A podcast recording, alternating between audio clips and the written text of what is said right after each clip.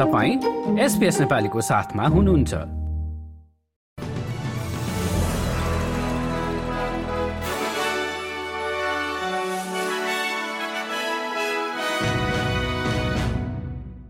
नमस्कार श्रोता वृन्द एसपीएस नेपाली समाचारमा तपाईँलाई स्वागत छ। यो आवाज हो दिनिताको। आज शुक्रबार एघार नोभेम्बरको प्रमुख समाचारमा मेडिब्याङ्कका तथ्याङ्क चोरी गर्ने ह्याकरहरूको पहिचान पत्ता लागेको प्रहरीको भनाई। विक्टोरियामा भारी वर्षासहित आपतकालीन बाढ़ीको अवस्था सिर्जना हुन सक्ने चेतावनी र खेलकुदमा न्यूजील्याण्डलाई हराउँदै अस्ट्रेलियाली महिला रग्बी टोली सेमी फाइनलमा प्रवेश।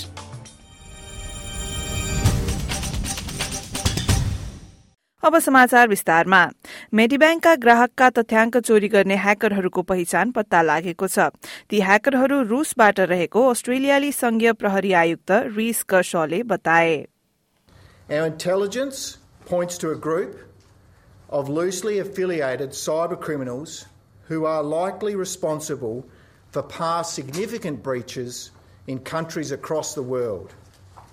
These cyber criminals are operating like a business with affiliates and associates who are supporting the business. We also believe some affiliates may be in other countries. उनले बताए कि अहिलेको एक्काइसौं शताब्दीमा साइबर क्राइम भनेको अनुमति बिना कसैको घर या सम्पत्तिभित्र पस्नु जस्तो भएको छ र चोरीको वस्तु भने तथ्याङ्क अर्थात डाटा रहेको छ। अर्को सन्दर्भमा एन्थनी अल्बनेजी एसिया प्रशान्त क्षेत्रमा हुन गइरहेका उच्चस्तरीय शिखर सम्मेलनहरूको पहिलो इस्ट एसिया सम्मेलनमा भाग लिन आज क्याम्बोडिया प्रस्थान गरेका छन्। प्रधानमन्त्री अल्बनेजीले आउँदा नौ दिन क्याम्बोडियाको एसियन सम्मेलन इण्डोनेसियाको जी ट्वेन्टी सम्मेलन र थाइल्याण्डको एपेक सम्मेलनमा बिताउने बताइएको छ। तीमध्ये एकमा उनको भेट चीनिया राष्ट्रपति शी जिङपिङसँग हुने र एल्बनेजीले चीन समक्ष बीस अर्ब डलरको आर्थिक प्रतिबन्ध हटाउन प्रस्ताव राख्ने अपेक्षा रहेको छ। सन् दुई हजार सोह्रदेखि कुनै अस्ट्रेलियाली प्रधानमन्त्री र चीनिया राष्ट्रपति बीच औपचारिक द्विपक्षीय भेट भएको छैन। प्रस्थान अघि प्रधानमन्त्रीले पत्रकारहरूसँग कुरा गर्दै बताए कि वार्ताको उद्देश्य सोही एक मात्र भने हुने छैन। We have rising inflation due to energy prices, due to the Russian invasion of Ukraine. And uh, today uh, is a day where, over the next uh, week and a little bit, I will have an opportunity uh, to talk with other leading economies about how we deal uh, with these challenges. Carbon उत्सर्जन निरन्तर बढ्दै जाँदा विश्व जलवायु परिवर्तनको निकै खतरनाक दिशातर्फ गइरहेको एक नयाँ रिपोर्टले देखाएको छ। अक्टोबरसम्मका दश महिना र यस पूरा सालको अनुमानको तथ्याङ्क अनुसार जीवाश्म इन्धन उत्सर्जनमा एक प्रतिशतले वृद्धि भएको हुनाले कार्बन उत्सर्जन बढ़ेर प्रतिवर्ष चालिस अर्ब साठी करोड़ टनसम्म पुग्न सक्ने बताइएको छ। यसको मुख्य कारण भने महामारीपछि सुचारू भएका विमानहरूको उच्च तेल प्रयोग हो। रिपोर्टका प्रमुख वैज्ञानिक रहेका एक्जिटर विश्वविद्यालयका पियर फ्राइडलिङ्सनले बताए कि यस्तै अवस्था निरन्तर भइरहेमा पृथ्वीको तापक्रम बढ्नेछ So if we keep emitting the same amount of CO2 every single year for the next nine years, we will be using up the carbon budget, which means that there is a 50% chance that we will be reaching 1.5 at that time. It doesn't have to be exactly on November 11th, 2021, but it will be like around that time. उक्त report इजिप्टको CO two twenty seven सम्मेलनमा प्रस्तुत गरिएको छ। अब new south वेल्सतर्फ लागौं जहाँको राज्य आपतकालीन सेवाले वर्षा प्रभावित क्षेत्रका बासिन्दाहरूलाई आउँदो सप्तान्तमा मौसम फेरि खराब हुन सक्ने भनी चेतावनी दिएको छ।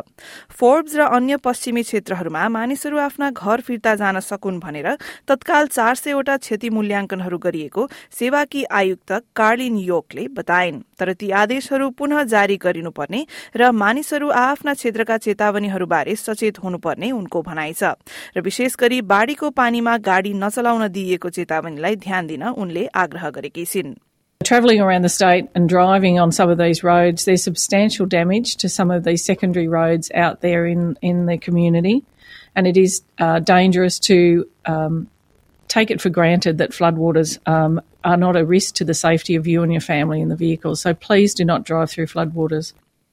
अब विक्टोरियातिर लागौं जहाँ यस सप्तान्तमा भारी वर्षासहित आपतकालीन बाढ़ीको अवस्था सिर्जना हुन सक्ने बताइएको छ।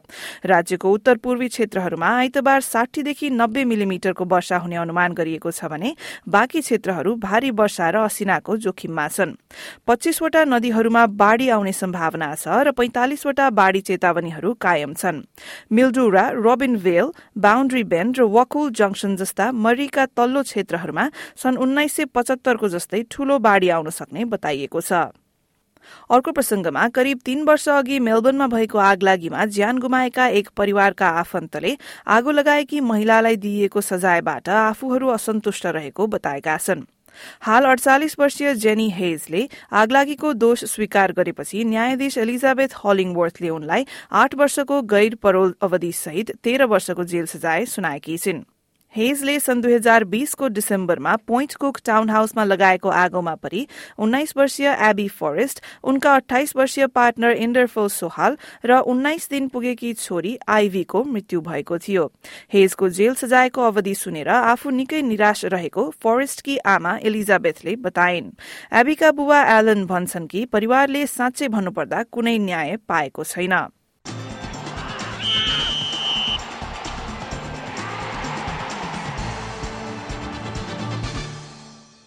अब आजको खेलकुद समाचारमा रग्बीलाई जोडौं। अस्ट्रेलियाको महिला रग्बी टोलीले वर्ल्ड कप खेलमा न्यूजील्याण्डलाई दस आठले पराजित गरेपछि अस्ट्रेलियाली प्रशिक्षक ब्राड डोनाल्डले आफ्नो टोलीको प्रशंसा गरेका छन्। यसभन्दा अघि फ्रान्स र कुक आइल्याण्ड्समाथि कुल एक सय छैसठी शून्यको जीत हासिल गरेको अस्ट्रेलियाली टोली जिलरुजको लागि यो कठिन खेल पहिलो वास्तविक जीत थियो। योर्कको एल्नर कम्युनिटी रंगशालामा भएको यो जीतपछि अस्ट्रेलिया ग्रुप बीमा अपराजित रहँदै अब सेमी फाइनलमा पपुवा न्यू गिनीसँग भिड्नेछ। न्यूजील्याण्डले भने आयोजक बेलायतको सामना गर्नेछ।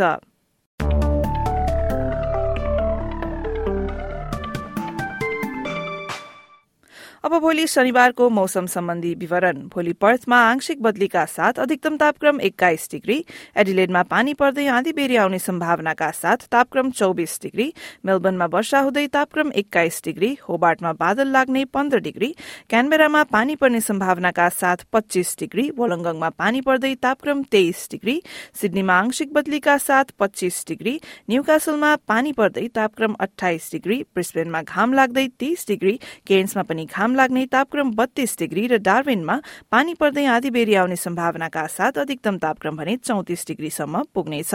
हस्त श्रोता वृन्देशका साथ आजको एसबीएस नेपाली समाचार यति नै। स्वस्थ रहनुहोला सुरक्षित रहनुहोला। नमस्कार।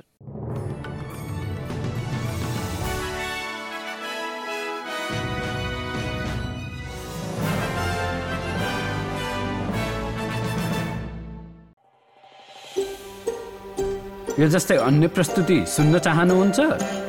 एप्पल पोडकास्ट गुगल पोडकास्ट स्पोटिफाईमा हामीलाई खोज्नुहोस् वा तपाईँले पोडकास्ट सुन्ने अन्य सेवामा।